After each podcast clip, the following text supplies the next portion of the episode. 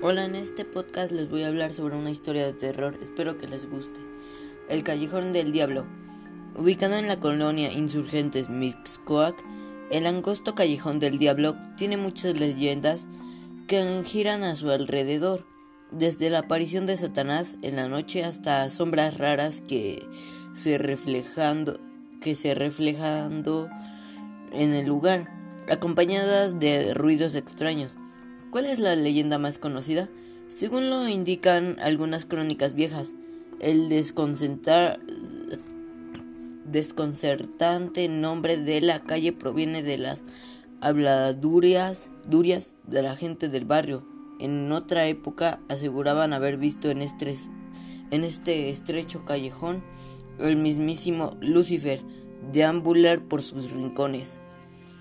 De entre pocos valientes, que lo llegaron a atravesar, había un borracho que, distraído por su estado, decidió tomar el callejón del diablo como atajo.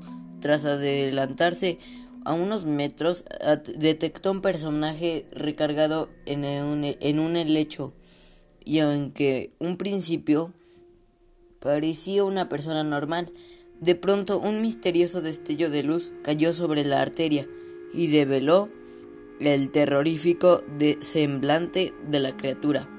Al contemplar la imagen, el ebrio intentó correr, pero sus pies se quedaron pegados al piso, hasta que la terrorífica visión se desvaneció.